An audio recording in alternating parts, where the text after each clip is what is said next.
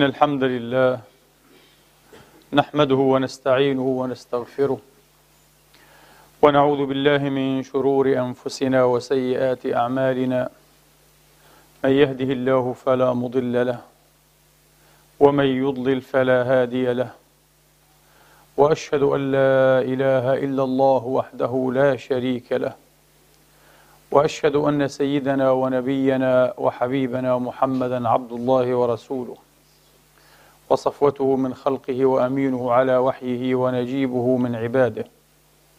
صلى الله تعالى عليه وعلى آله الطيبين الطاهرين وصحابته المباركين الميامين وأتباعهم بإحسان إلى يوم الدين وسلم تسليما كثيرا.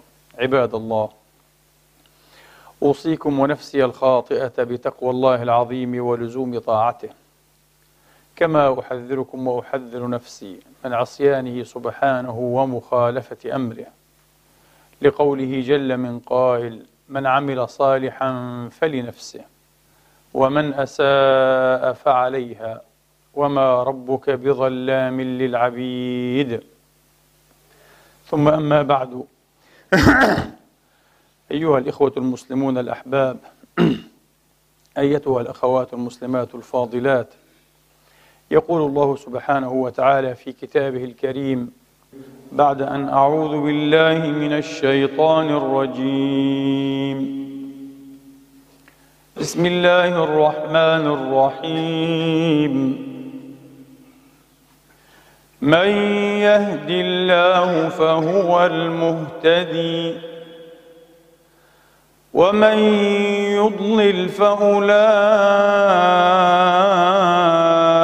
فأولئك هم الخاسرون. ولقد ذرأنا لجهنم كثيرا من الجن والإنس لهم قلوب لهم قلوب لا يفقهون بها ولهم أعين لا يبصرون بها. ولهم آذان لا يسمعون بها. أولئك كالأنعام بل هم أضل. أولئك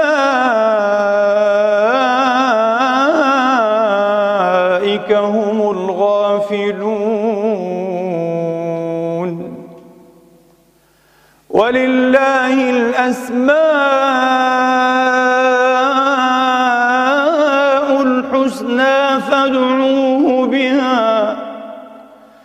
فادعوه بها وذروا الذين يلحدون في أسمائه سيجزون ما كانوا يعملون. وممن خلقنا أمة يهدون بالحق. وبه يعدلون. والذين كذبوا بآياتنا سنستدرجهم من حيث لا يعلمون. وأملي لهم إن كيدي متين. أولم يتفكروا أولم يتفكروا ما بصاحبهم من جنة إن هو إلا نذير مبين أولم ينظروا في ملكوت السماوات والأرض وما خلق الله من شيء وما خلق الله من شيء وأن عسى أن يكون وأن عسى أن يكون قد اقترب أجلهم فبأي حديث بعده يؤمنون من يضلل الله فلا هادي له ويذرهم في طغيانهم يعمهون من يضلل الله فلا هادي له ويذرهم في طغيانهم يعمهون صدق الله العظيم. وبلغ رسوله الكريم ونحن على ذلك من الشاهدين. اللهم اجعلنا من شهداء الحق القائمين بالقسط. آمين. اللهم آمين. أخواني وأخواتي نبدأ خطبة اليوم بالسؤال أو التساؤل عن مستقبلنا الروحي والقيمي الروحي والأخلاقي. مستقبل أمتنا الروحي ومستقبلها الأخلاقي والقيمي. ولن أطيل في مداورة هذا السؤال بل سأسارع إلى القول إخواني وأخواتي وفق ما أرى وأرجو أن أكون مخطئا. أرجو صادقا من قلبي أن أكون مخطئا تماما. الذي أراه وأقدره وأحدث به أن مستقبلنا الروحي غائم. وفي الأرجح ليس على ما يرام. المستقبل الروحي لهذه الأمة ليس على ما يرام. والمبررات عديدة. الإسلام السياسي لن نخوض فيه الآن لأن الإسلام السياسي إخواني وأخواتي لا يجعل من القضية الروحية أولوية من أولوياته. أولويته السلطة. أولويته السلطة. وهو يزعم أنه حين يحتاز هذه السلطة ويستولي عليها ويقتعد مكانا أيها الإخوة فيها فإن الأمور كلها ستجري على ما يرام. وهذا وهم كبير وأشبه أن يكون تفكيرا ساذجا. لا أريد أن أنعته بأكثر من هذا. لن يكون كل شيء على ما يرام إذا وصلنا إلى السلطة. إذا وصلنا إلى السلطة. طبعا يعنينا في هذا المقام أيها الإخوة كما قلت لكم المسألة الروحية القضية الروحية. طبعا الطرح السياسي أيها الإخوة أو تسييس الإسلام في مجمله ينظر نظر استخفاف إلى المسألة برمتها المسألة الروحية. يقول لك هذا شأن فردي وبلا شك هو شأن فردي. شأن فردي وهو يعني أشبه أن يدخل في اختصاصات الدراويش والمتصوفة. ما علاقتنا به؟ لذلك هم لا يعنون كثيرا بهذا الشأن لا يعنون كثيرا بهذا الشأن. طبعا دعوكم من الكلاشيهات الجاهزة والأزعومات الفارغة في شكل جمل منمطة. في شكل جمل منمطة أيها الإخوة. أن ديننا كذا وكذا وطريقتنا كذا وكذا كلام فارغ. في الحقيقة أيها الإخوة حتى في الأدبيات. أدبيات هذا الإسلام السياسي تقريبا الروح غائبة. الروح غائبة. في المسلكيات غائبة تماما. كيف يتعاطى بعضهم مع بعض؟ كيف يتعاطون مع الآخرين؟ لا دخال أبدا للمسألة الروحية. طبعا المسألة الروحية إخواني وأخواتي تترجم نفسها وتمظهر ذاتها مباشرة في شكل سلوكات راقية. في شكل سلوكات راقية وراقية جدا بل هي الأرقى. كلما كانت علاقتك بالله تبارك وتعالى أمتن وأصح وأقوى وأكثر عافية وسلامة كلما كنت إنسانا عظيما. مع المسلمين ومع غير المسلمين. إنسان أنت تكون إنسانا كريما إنسانا عظيما. سوف نحاول أن نشرح هذا. كيف يتم هذا أيها الإخوة؟ وكلما ابتعدت عن الله تبارك وتعالى وأغرقت في أشياء أخرى كلما تهششت شخصيتك وأصبحت شخصية متداعية وضعيفة وبائسة وربما أكثر سوءا مما تظن أو مما تتوهم. للأسف الذي لا يعيننا على إصلاح أنفسنا إعجابنا بأنفسنا الكل تقريبا معجب بنفسه. يدرك أن له بعض الأخطاء مع أن سلوكه في المجمل قد يكون معظمه إيه؟ سلوكا خاطئا سلوكا متدهورا هزيلا. مزلزلا. لا لا لا. هو لا يرى إلا بعض الأخطاء البسيطة. انتبهوا التي يدفع ثمنها.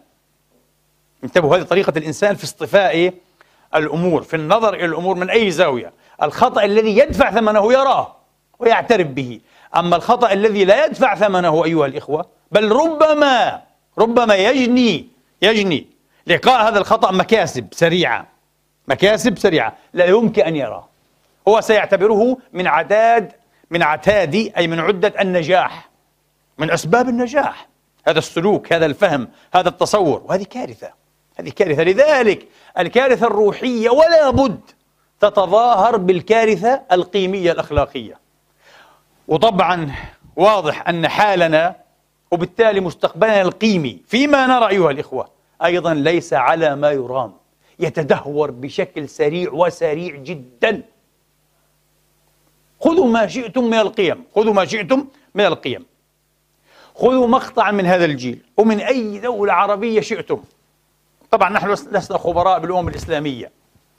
لا نعرف كل شيء بالتفصيل أو بما يقارب التفصيل عن إندونيسيا وعن ماليزيا وعن باكستان وعن مسلمي الهند والصين وعن تركيا. لا نعرف. وعن الفرس أو إيران. نعرف هذا العرب نحن عرب. ليس كنزعة. أبدا. وإنما هذا الواقع. أننا عرب. نعرف أنفسنا ونعرف أحوال بلادنا. خذوا أي شريحة من أي مجتمع عربي وقيسوها قارنوها بشريحة من هذا المجتمع قبل خمسين سنة. لقد كانوا أنبل منا. آباؤنا وأجدادنا قطعا أنبل منا وأشرف منا وأكثر خوفا وخشية وتعظيما وإجلالا لله منا. قطعا كانوا أحسن منا. علاقتهم مع الله كانت أفضل. علاقاتهم الاجتماعية كانت أفضل أيضا. الأمانة الصدق الشرف النزاهة العفة أيها الإخوة. إلى آخر القائمة الطويلة النبيلة من هذه القيم. أفضل بكثير. أنا أقول لكم ليسأل كل منكم نفسه وقد سألت نفسي هذا السؤال مرات كثيرة والجواب واحد. هل يوجد ممن تعرف اليوم أحد يمكن أن تأتي منه على سر؟ تقريبا لا يكاد يوجد. تقريبا لا يكاد يوجد.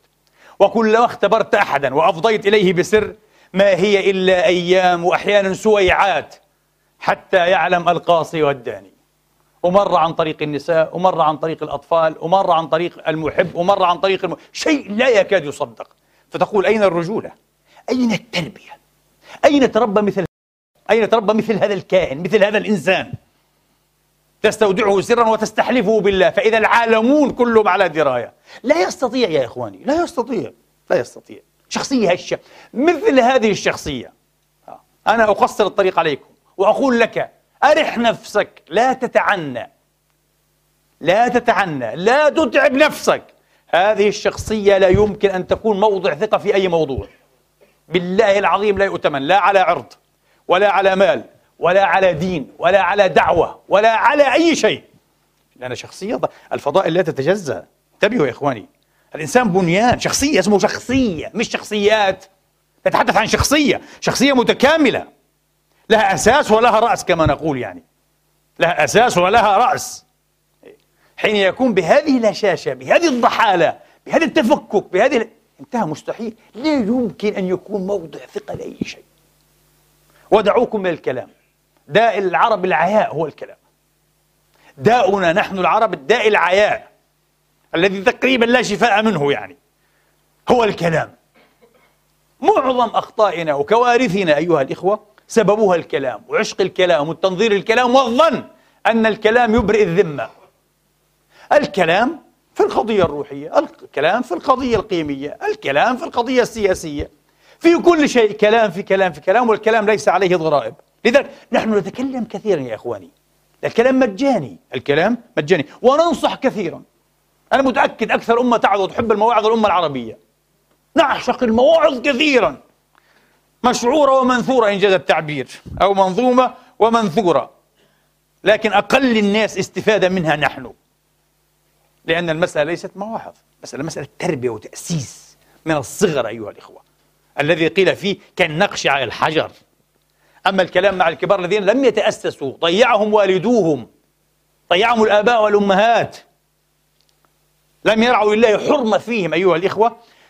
وينفحهم خير ما يمكن أن ينفحه ويهبه أب وأم لابنه. التربية الصالحة.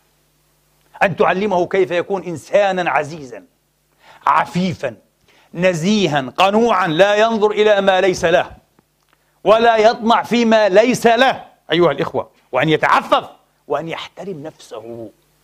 الذي يحترم نفسه أيها الإخوة متصالح مع نفسه أيضا. هذا الشخص الذي يمكن أن تأتمنه على سرك. وعلى عرضك وعلى مالك. وأن تأتمنه على سلطة وعلى منصب وعلى دين وعلى دعوة وعلى من على أشياء كثيرة. لماذا؟ لأن مركز الثقل فيه ذاتي في الداخل. ولا يعني أن تقول أنت عنه إنه كذا وكذا إنه أمين و... أبدا أبدا. هو يعني أن يكون أمام نفسه كذلك. أحدهم يحدث يقول بيتي كان مضافة للناس. مضافة. طالب في الجامعة كل يوم غداء وعشاء يقول لدي. وذات يوم أخطأت الحساب فإذا بذلك اليوم كان يوم عيد في البلد. البلد مغلقة كل شيء فيها مغلق. يقول هذا المحدث وكنت صائما. وعند المغرب فوجئ ما في شيء في البيت لا شيء ليحضر طعاما على الإطلاق لا شيء إلا الماء. ثم وجد رأس بصل كما يقال. ماذا يفعل؟ جاره على ما بعد منه عشر خطوات فقط في نفس الشارع. قال مستحيل أن أذهب إليه. جاره الذي يأكل عنده يوميا تقريبا كل يوم غدا وعشاء غدا وعشاء.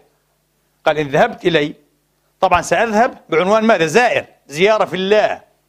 لكن أنا في الحقيقة أذهب لأطعم. لم يستطع أن يحتمل هذا من نفسه. صاحبه جاره لن يراه كذلك. أبدا سيراه زائرا. جاء عفو الخاطر هكذا. وسيقدم له طعام الضيف أليس كذلك؟ لكن نظرته إلى نفسه منعته من هذا قال مستحيل. وبات على الطوى إلى يوم آخر لم يطعم. إيش التربية؟ التربية هذه هذه التربية التي يغرسها الأب والأم كيف تكون محترما في الداخل أن تكون محترما. لا أن تظهر الصدق للناس والأبعد أنت كذا وكذا.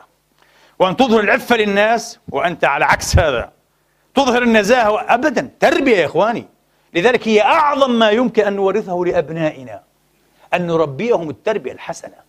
مش تشتري لهم الملابس والسيارات والألعاب والنينتندو والأكل والشرب والمصاص مش هذا. هذه أشياء عرضية. يستطيع أن يوفرها كل أب تقريبا يعني على تفاوت. مش هذه مش هذا الشيء المهم هذا. حتى الحيوانات توفر الطعام والمأمى والمأوى والمأمن أيضا لأولادها. لا لا ليس هذا. القيم القيم. القيم. لأن نجاح الإنسان أنا أقول لكم نجاح الإنسان في الحقيقة في الحياة بمنظوره بمنظوره الذي ينطلق منه الذي يستلهمه في معاملة الآخرين وفي النظر إلى نفسه وإلى الحياة وإلى الوجود كله. هذا أس القيمة هذا هو جذر القيم هذا المنظور. رؤية العالم world of view كما يقولون رؤية العالم كيف ينظر إلى العالم إلى وجوده إلى نفسه إلى المجتمع إلى الآخرين إلى الدين إلى الأخلاق إلى كل شيء. هذا الأب والأم والمدرس إن كان في مدرس والشيخ إن كان في شيخ. إن بقي أحد. يعرف كيف يعلم إيه الناس كيف يربي الناس. أيها الإخوة. فالمستقبل القيمي غائم جدا. أكثر ما يرفض المستقبل القيمي يا إخواني كما قلت لكم الروح. لذلك حين تخبو الروح تنطفئ الروح اقرأ السلام بل صلي الجنازة على القيم. انتهى. انتهى. ولا تغتر لا بلحى لا بصور لا بشهادات لا بألقاب لا بعنوانات كله كلام فارغ. تفجع هنا وتفجع هنا وستظل تفجع إلى أن تلقى الله. لأنه ما في روح حقيقية ما في صلة حقيقية بالله تبارك وتعالى.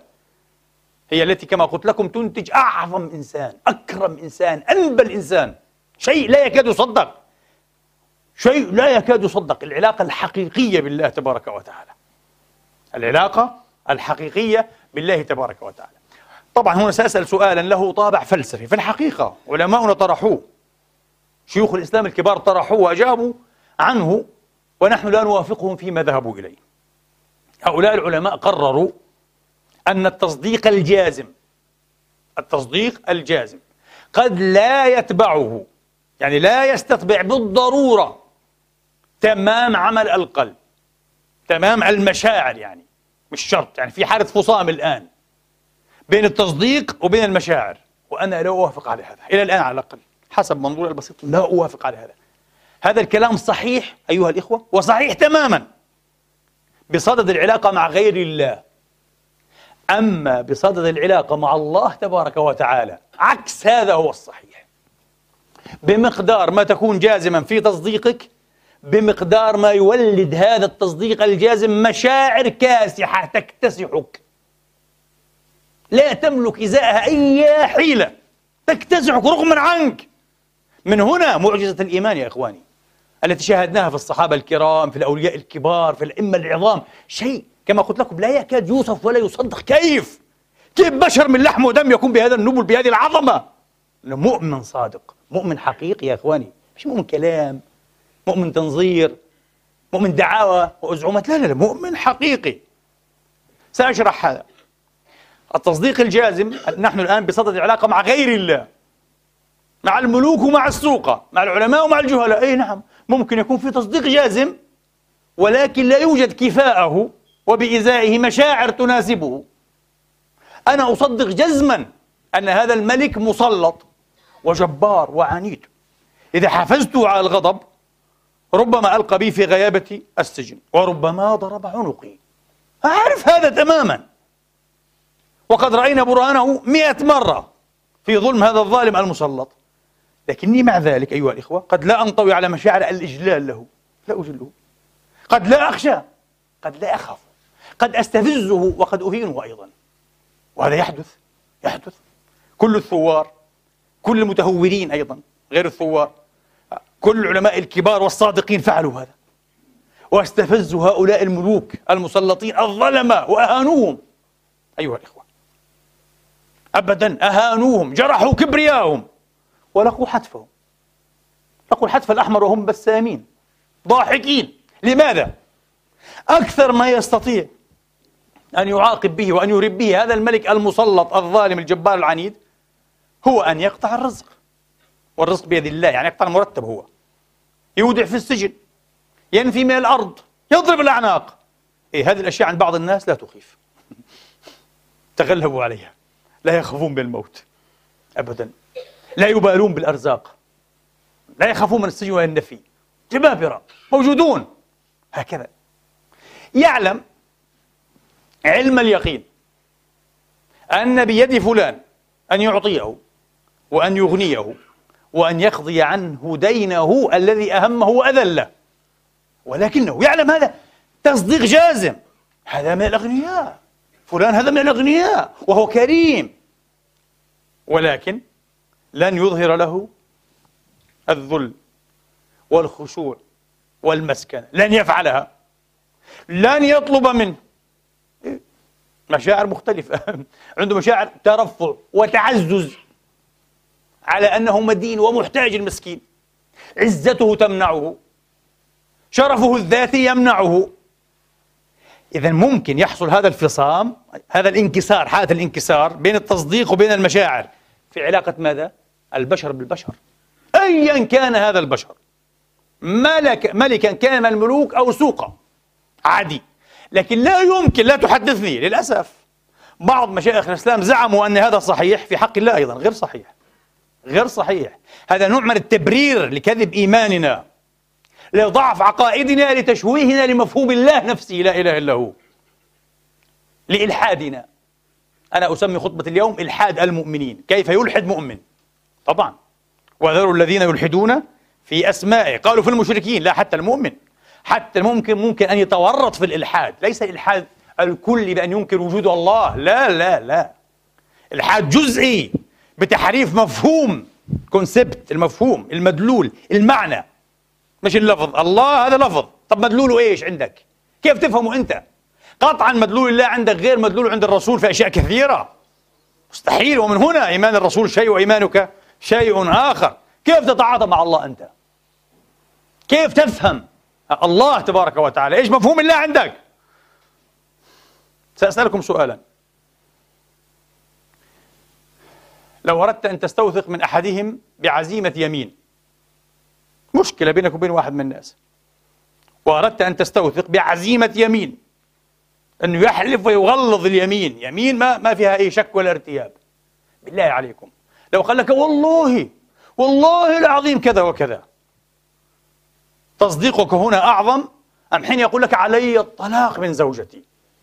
أنا أجزم 99.99 لانقطاع النفس؟ لا. علي الطلاق أعظم بكثير طبعا وتصدق. لذلك إذا أراد أحدهم أن يعزم اليمين يقول لك أحلفك طلاق؟ طب علي كذا. آه طبعا. الحالف والمحلوف له كلاهما ملحدان في مفهوم الله عز وجل. لقد خفض مفهوم الله في وجداننا في مشاعرنا إلى الدرجة التي لم يعد هذا المفهوم يشكل ضمانة حتى في الاحتفاظ الحقوق المادية التافهة. نتنازع على 100 يورو على 1000 يورو. ما في. كلمة الله وحياة الله والله والله العظيم وكذا ما تشكل ضمانة. يحلفون كاذبين. وقال لك مؤمنين. وقال لك بلحية. وقال لك مشايخ. وقال لك يرتاد المساجد. ويصلي الخمسة في الجماعة. شيء لا يكاد يصدق. إلحاد. هذا نوع من الإلحاد في أسماء الله وصفاته. في المفهوم يا إخواني. في المفهوم. تماما كإلحاد الذين يظنون ويبرهنون ظنهم الباطل هذا ظنهم الإجرامي بأن إيمانهم بالله يعطيهم رخصة.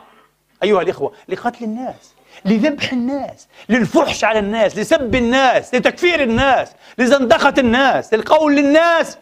إما أن تمشوا في طريقنا وإلا فأنتم هدر. أنتم مباحو الدماء. فأنا أسأل من أنت؟ وأنت من أنت يا أخي؟ من أنت يا من تنزل نفسك؟ منزل النبي نفسه ما أنزله الله إياها. من أنت يا رجل؟ تعمل كمسيطر على عباد الله وتؤكد أنك مسيطر وأنك جبار وأنك وكيل وحفيظ وشهيد ولست بشيء. لماذا؟ لأنه ملحد.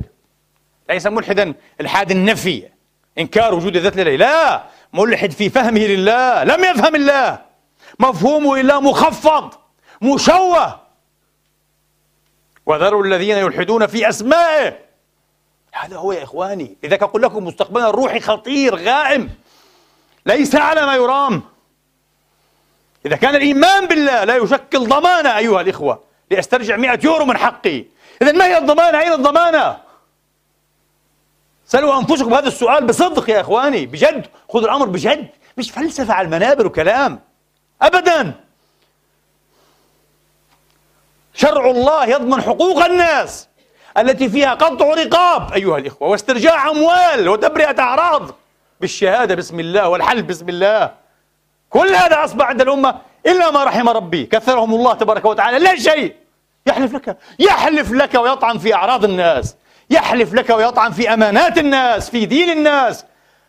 يتغول أموال الناس وحقوقهم. بسم الله ويحلف بالله. الله أكبر. الله أكبر. الله المستعان على ما نحن فيه. الله المستعان على ما نحن فيه. أين الإيمان؟ أين الإيمان الحق إذن بالله؟ هي إذا المسألة مسألة التصديق. ما في تصديق جازم. كذب. لا تصدقوا هذا الكلام. لبعض مشايخ الإسلام. قال لك في تصديق وفي مشاعر غير صحيح. لماذا؟ فهمناها في حق البشر. في تصديق وما في مشاعر تكافئ التصديق. صحيح. يحصل. في حق الله مستحيل. مستحيل أن تقول لي أنا مصدق بأنه موجود لا إله إلا هو وبأنه رقيب علي وبأنه مسيطر ومالك الملك وبأنه المجازي الدائن المحاسب مالك يوم الدين الغفور الرحيم وشديد العقاب لا إله إلا هو ولا يخاف عقبها يعذب ويهلك ويدمر من شاء ثم لا يخاف عقب ما فعل. لا أصدق. أن تقول لي أنا مصدق بهذا جزما؟ لكنني لا أشعر بتلك الخشية منه. لا إله إلا هو. لا أشعر بذلك التوقير والإجلال له. لا أشعر بعظمته في قلبي بحيث تمنعني أن أخذ ما ليس لي وأن أحلف باسمه كاذبا. لا أشعر. أنا أقول لك أنت لا تشعر وأنا لا أصدق. أنك تصدق. مسكين أنت. تعرفون لماذا؟ لماذا؟ ما هو الفرق إذن بين هذه الحالة وبين حالة العلاقة مع البشر. تعرفون لماذا؟ سنوضح لماذا. لأن الله أكبر. هذا معنى الكلمة التي نقولها مع كل ركعة. الله أكبر. الله. الله أكبر. لا إله إلا هو. كيف يعني؟ يعني أكبر من كبريائك. أكبر من هواك. أكبر من حقدك. أكبر من غضبك. أكبر من حرصك. أكبر من حاجتك. أكبر من كل أدوائك وأهوائك ورغائبك. مشايخ الإسلام الذين قالوا التصديق الجازم قد لا يستتبع تمام عمل القلب قال لاعتراض الأهواء من الحسد والغش والحقد والكبر إلى آخره. إيه في حق البشر هذا. ليس في حق الله. ليس في حق الله. كما قلت لكم أكثر شيء يمكن أن يتهددني به بشر أن يضرب رأسي. إذا كنت لا أخاف من الموت انتهى. لا يستطيع أن يبرهن كبرياءه علي. ضاع. هذا لا ليس أكبر مني. صح؟ أبدا. مش أكبر مني. إن شاء الله يكون دولة إن شاء الله يكون رئيس ملك. إيش ما يكون مش أكبر مني. مش هو الأكبر لكن الله أكبر لا إله إلا هو. تعرف ليه؟ أولا بخصوص هذه المسألة. تقول لي حتى أنا أستغفر الله أستغفر الله. إزاء الله لا أخاف الموت. مسكين أنت أنت جاهل. لم تفهم شيئا لتصدق به. الملك المسلط نعم يضرب عنقك ثم ينهيك. وتذهب إلى رحمة الله. تذهب إلى إيه؟ إلى حيث أراد الله بك ولك. انتهينا. خلاص. وهذا لا سلطان له بعد ذلك عليك. لا سلطان على على مصيرك الأبدي على روحك. مستحيل انتهى. لكن الله تبارك وتعالى لا يتصرف في زمن. يتصرف في الأبد لا إله إلا هو. الله يتصرف في الأبد لا إله إلا هو. كما يتصرف في ملكه الذي لا يعرف حدوده إلا هو. فهو مالك الملك. ومن ضمن مفردات ملكه يا مسكين قلبك. ومشاعرك. الله يحول بين المرء وقلبه. يملك منك ما لا تملك أنت من نفسك. يملك هذا هو أبدا. شوف كبرياؤك وغضبك وحاجتك وفقرك وعزتك وعلمك وجهلك كل هذا الله يملكه لا إله إلا هو.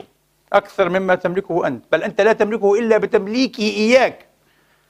إلا بتمليكك إياها. إياه هذه المشاعر وهذه الأشياء وهذه الوجدانات. لذلك تقول إيه أنا لا أخاف الموت. هو يميتك. لا إله إلا هو. ثم لا تفوته ولا تعجزه تسقط في يده في قبضة قدرته. ثم هو يتصرف في الأبد. إن شاء عذبك عذاب الأبد. إن شاء. من يحول بينه وبين هذا؟ من يحول؟ ها؟ لا تستطيع أن تقول أنا أتعاطى تدريبات يوغوية روحية أتغلب على الألم لا تستطيع يا مسكين.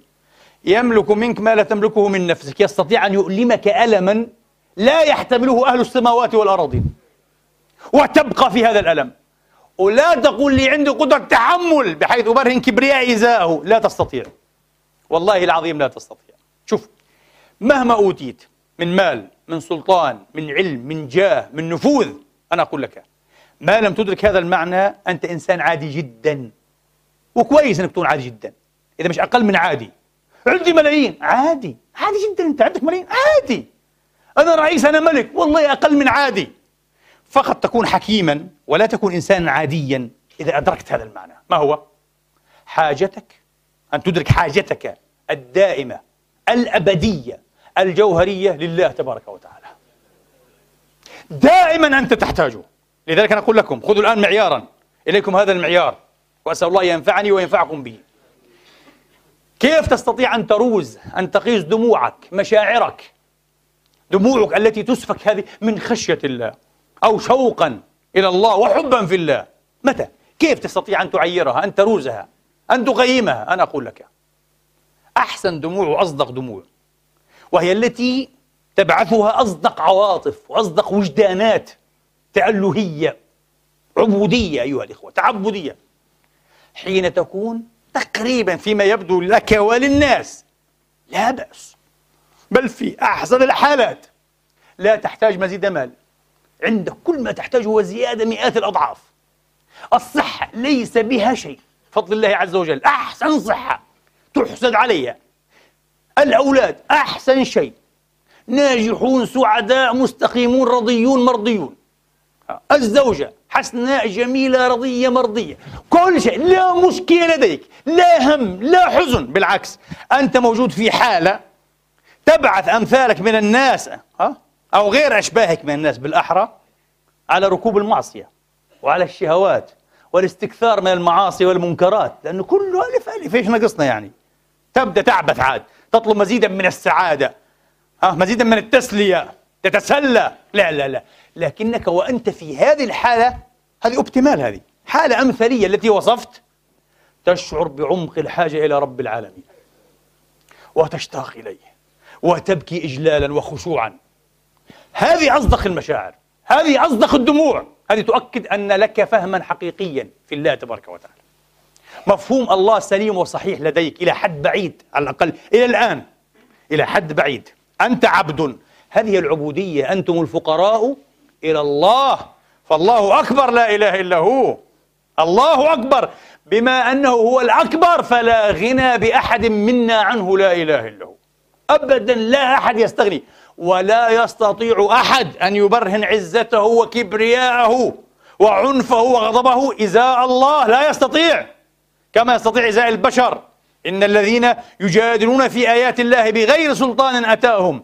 إن في صدورهم إلا كبر ما هم ببالغيه الله أكبر على من قال هذا الكلام. الله أكبر كبيرا. الله قال ما هم ببالغيه إيه عندهم كبر. هل تستطيع أن تبرهن كبرك هذا إزاء الله يقول. لا تستطيع. لا تستطيع أن تبلغ هذا الكبر.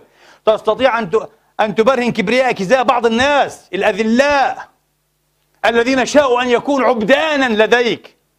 لكن لا تستطيع أن تبرهن هذا إزاء عباد الله.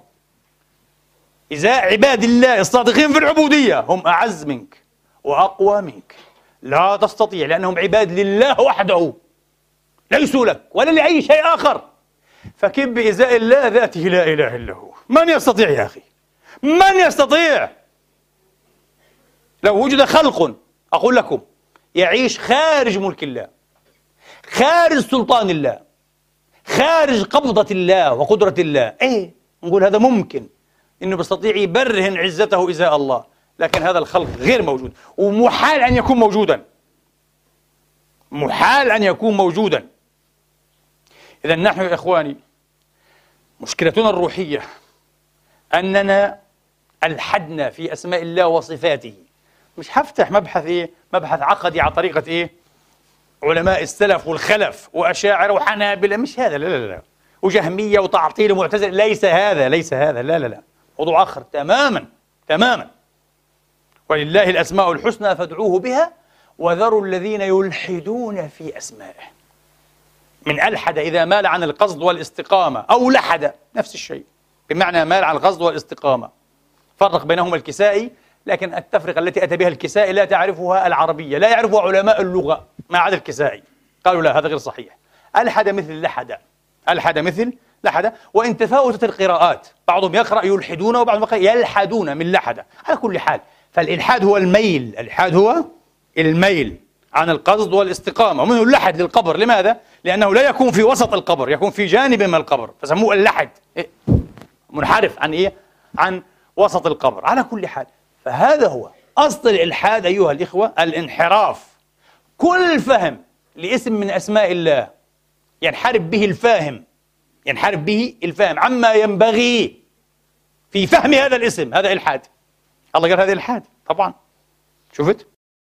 مفهوم الله إخواني وأخواتي حساس جدا لأدنى تحريف. هذا ما لا يتنبأ له أكثرنا.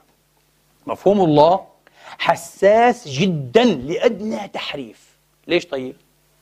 لأن صفات الله وأسماء الله تعمل بالتآزر. تعمل كيف لا تعمل بالتآزر وهو مالك الملك يا إخواني؟ انتبهوا. أنت الآن أنت الآن بصدد ماذا؟ بصدد فهم. ليس من يدبر مدرسة أو يدبر دولة أو يدبر مصنعا. أنت بصدد التعاطي مع من يدبر الكون. من آخر نجم في أبعد مجرة في طرف الكون. على بعد 90 بليون سنة ضوئية. إلى أدنى إلكترون أو بروتون أو سمكة في الماء تغوص يا إخواني. كل هذا يدبره في لا زمن بلغتنا الخاصرة في الوقت نفسه لا إله إلا هو. هذا رب العالمين. الله أكبر هذا معنى الله أكبر. أكبر من كل ما تتوهم من كل ما تتخيل من كل ما تتصور. لذلك أدنى تحريف في اسم من أسمائه في صفة من صفاته أيها الإخوة قد يبطل أشياء كثيرة في اعتقادك. قد يشوه معتقدك قد يشوه شخصيتك الروحية الإيمانية. فهمتم كيف؟ لذلك ماذا يقول عز وجل؟ هذه آية عجيبة آية معجزة جدا. ولله الأسماء الحسنى فادعوه بها. وذروا الذين يلحدون. كأنه يقول الإلحاد الإلحاد يكون بالذات عند الدعاء حين تدعوه. هنا إما أن تكون مؤمنا صادقا محققا حقا وإما أن تكون ملحدا. كيف؟ إذا ذهبت تدعوه وقل لي كيف تدعوه يمكن أن أقول لك ما هو مفهومك عن الله عز وجل. إيه؟ يعني بعض الناس أيها الإخوة بعضهم يسأل الله تبارك وتعالى. وذكرت عدة مرات لأنه هذه هذه أزمة الأمة من هنا من الظلم الذي نحن فيه. لدينا أيها الإخوة تبلد غريب جدا جدا للظلم. لا نستشعر الظلم. لا نستشعر الحيف إزاء بعضنا البعض. يمكن أن أهدم أخي بسيئة واحدة. مع أنه آتى أو أتى بمليون حسنة. يا أخي أساء مرة.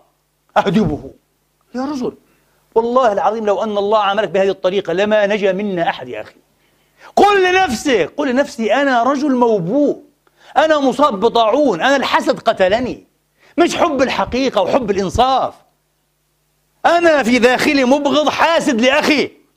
وكنت أترقب له زلة. وما صدقت أن ظهرت زلة. حتى ذبحته. تعمل نفسك أنك باسم الحقيقة. مثل ما قال جبران مرة قال كفوا عن قتل الإنسان باسم الدفاع عن الله. كفوا! اتركوا قتل البشر ذبح البشر انتهاك البشر. بحجة أنكم تدافعون عن مجد الله. الله لا يحتاج من يدافع عن مجده لا إله إلا هو. من الذي يمكن أن ينال الله بأي أذى أو سوء؟ تعرفون ولا أحد ولا الإنس ولا الجن. بالعكس دعوا الإنسان دعوه وأكرموه حتى يتعرف على الله تبارك وتعالى. أبدا.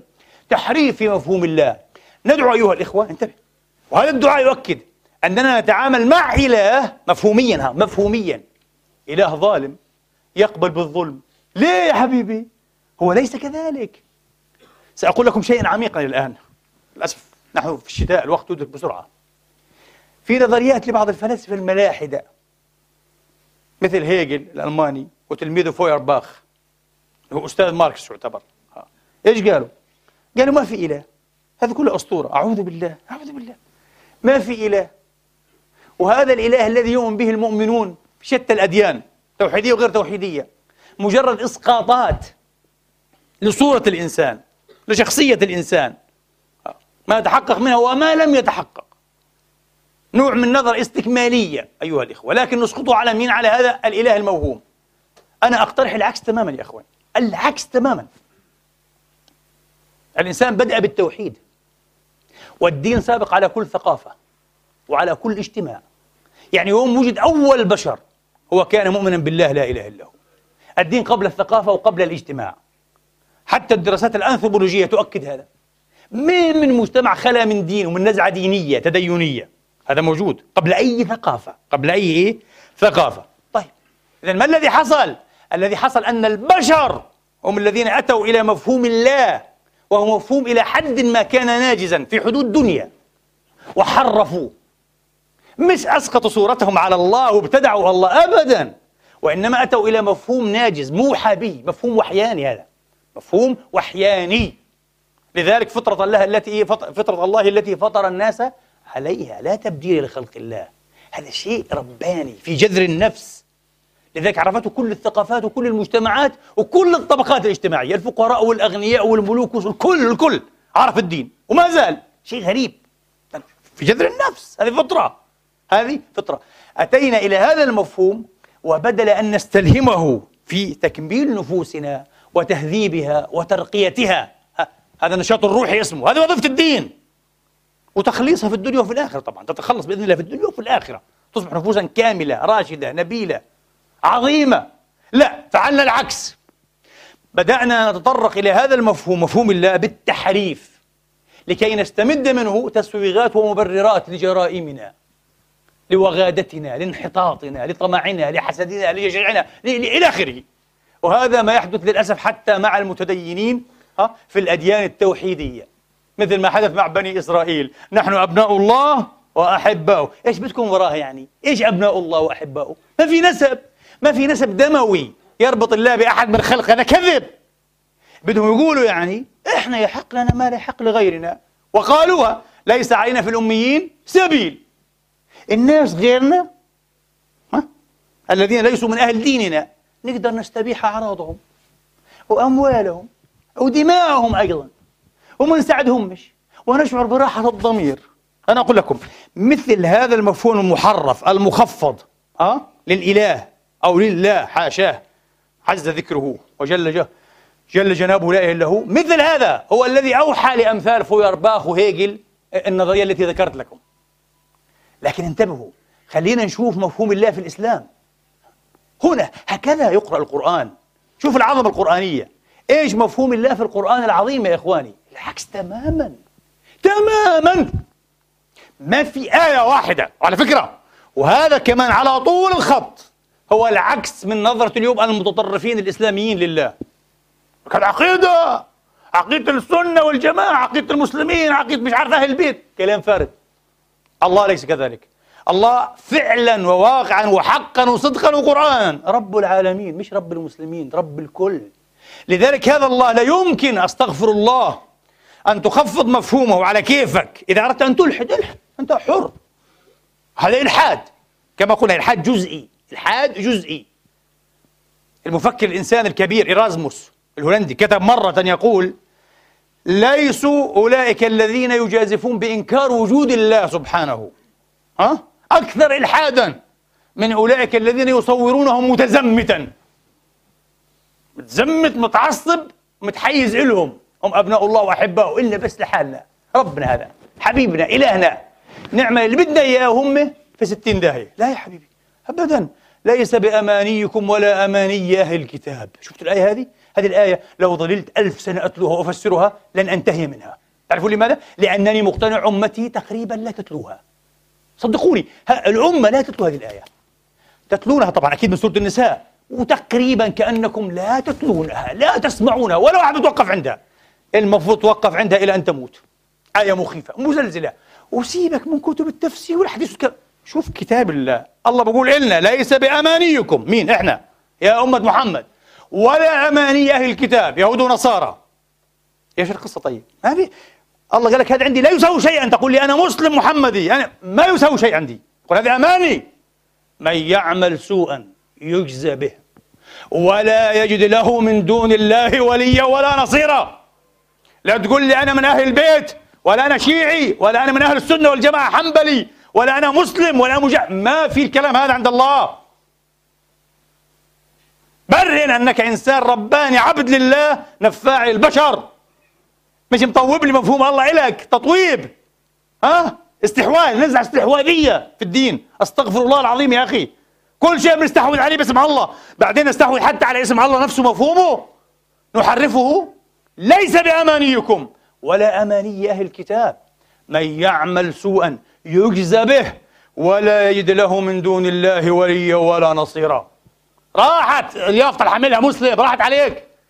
أهل السنة والجماعة والله راحت. شيعي أهل البيت راحت انحرقت. كلام فارغ. ومن يعمل من الصالحات من ذكر أو أنثى وهو مؤمن فأولئك يدخلون الجنة ولا يظلمون نقيرا. يا ربي الله يخاطب الآن اليهودي والمسيحي والمسلم. نعم هذه آيات قرآنية. روح حرفها العب فيها عاد. واضحة أوضح من الواضح. هذا الإيمان الذي يريده الله. إيمان أيها الإخوة يخرج إنسانا عظيما إنسانا رحيما إنسانا يسع قلبه وتسع خيريته الدنيا بأسرها. مش إنسان ضيق متزمت على طريقة أبناء الله وأحبائه إحنا وبس. وهذول هيك وهيك وهيك ما يعجب حدا. وقلنا لكم ألف مرة يا إخواني والله العظيم كل النزعات الحصرية لا تقف عند حد. تظل تضيق وتضيق وتضيق وتضيق في الأخير حتى لا تتسع إلا إيه؟ إلا لمجنون مهوس ينادي بها. واحد. وقلنا لكم مرة أحدهم ماذا كتب يقول؟ قال ليس على وجه الأرض اليوم مسلم إلا أنا وشيخي في باكستان في جبال باكستان. إيه طبعا وعدوا شيخه بكرة بطلعوه هو. يبقى هو لحاله. شيء من الجنون شيء من الهوس. شوف الهوس هذا. مع آية ليس بأمانيكم ولا أماني أهل الكتاب. يا عظمة القرآن وينها عظمة عظمة عجيبة غريبة يا إخواني. لذلك إحنا نقوم بهذا الإلحاد. إلحاد اختزال. أيها الإخوة لن أعبر بتعبيرات غير لائقة لكن هذا أكثر شيء أقوله. اختزال تخفيض يعني تخفيض اختزال ضغط تشويه لمفهوم الله لمفهوم. كيف أنت؟ هذا في الأخير تشويه لك أنت. أبدا. الله لا ينال أحد. تشويه لاعتقادك. اعتقادك مشوه. دينك مشوه. إيمانك بالله مشوه. ولا مش صحيح؟ وإلا لو في واحد ها يعني تجوز له علاقته الطيبة بالله العميقة الصافية بالله أنه يترخص ويستحل مرة دماء الناس ومرة أعراضها ومرة أموالها ويحس براحة الضمير. عارفين مين لازم يكون هذا؟ محمد عليه السلام. والله العظيم الوحيد. أبدا النبي خطب فاستقم كما أمرت. وهذه شيبت وقال شيبتني هود وأخواتها. قال له مش على خاطرك كما أمرت. ما في ترخصات ما في استثناءات. ما تقولش أنا محمد أنا حبيب وأنا اللي بدي إياه بعمل وبغفر لي. ما في منه الكلام هذا. إحنا غلابة إحنا ملاحدة إلحادا جزئيا يا إخواني. عشان بقوم بالليل وببكي بحس حاله خلاص. قطع تسعة عشر طريق الجنة. فيلا نغتاب هذا ننم على هذا نشبك هذا بهذا نأخذ مال هذا نطعم في عرض هذا نطلع على مرته يا أخي تبا لك يا رجل تبا لك. الله محتاج لركعاتك السخيفة هذه. لدموعك الكذابة. الله يريد أن تصبح إنسانا نبيلا إنسانا كاملا صافيا. مستحيل هذه العبادة تصبح والعياذ بالله طريق إلى الفسق والفجور. أي عبادة هذه؟ وأي دين وأي تسنن وأي هذا هو. لذلك أنا أقول لكم لابد أن نفتح هذه الملفات وأن نراجعها بوضوح أيها الإخوة صادم بصراحة مرة لنقول وضعنا الروحي ليس على ما يرام. حالتنا الروحية مقلقة ومخيفة جدا. سأذكر شيئا في خمس دقائق لكن في الخطبة الثانية نختم به هذا الجزء أيها الإخوة. وأستغفر الله لي ولكم فاستغفروه إنه تواب رحيم.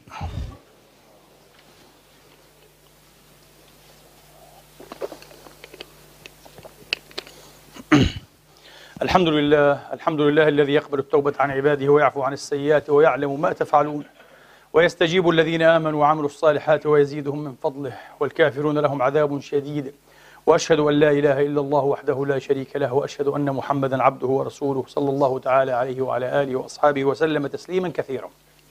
إخواني وأخواتي صلتنا بالغيب ليست صلة تتأتى عبر قرار الإيمان، الإيمان ليس قرارا انتبهوا. قررت أن أؤمن وقررت أن أعترف بأن الله موجود وأنه كريم ورحيم والقرآن حق محمد. لا والله والله الأمور لا تجري على هذا النحو. صلتنا بالغيب تأتي عبر برهان الإيمان وليس عبر قرار الإيمان. هل فهمتم؟ لأن الإيمان لا يكون قرارا. في حالتنا في الحقيقة الإيمان هو وراثة شيء ورثناه من أهلينا ليس قرارا. لكن بعد ذلك هل تبرهن هذا الإيمان؟ حين يبدأ يتبرهن هذا الإيمان تضح الصلة بين الشهادة والغيب بيننا وبين الله. أه؟ بين العبد وبين الغيب يا إخواني. كيف تتبرهن؟ أنا أقول لكم هذا هذا الدين. ماذا أفعل؟ ليس حيلة. ما من حيلة هذا الدين. تتبرهن عبر الدعوة المستجابة. أمن يجيب المضطر إذا دعا؟ وإذا سألك عبادي عني فإني قريب. لكن الله عز وجل لا يقبل دعوة لا يسمع دعوة من قلب غافل من قلب لاهن. انتبهوا الله ما بتعاطى مع اللغة مع لغة اللسان يعني. يقول يا الله خداي أنا مش عارف بوقة. لا يتعاطى مع لغة القلب. إذا صح لقلبك أن يقول يا الله وقالها بلغته الله يقول لبيك عبدي مباشرة مباشرة.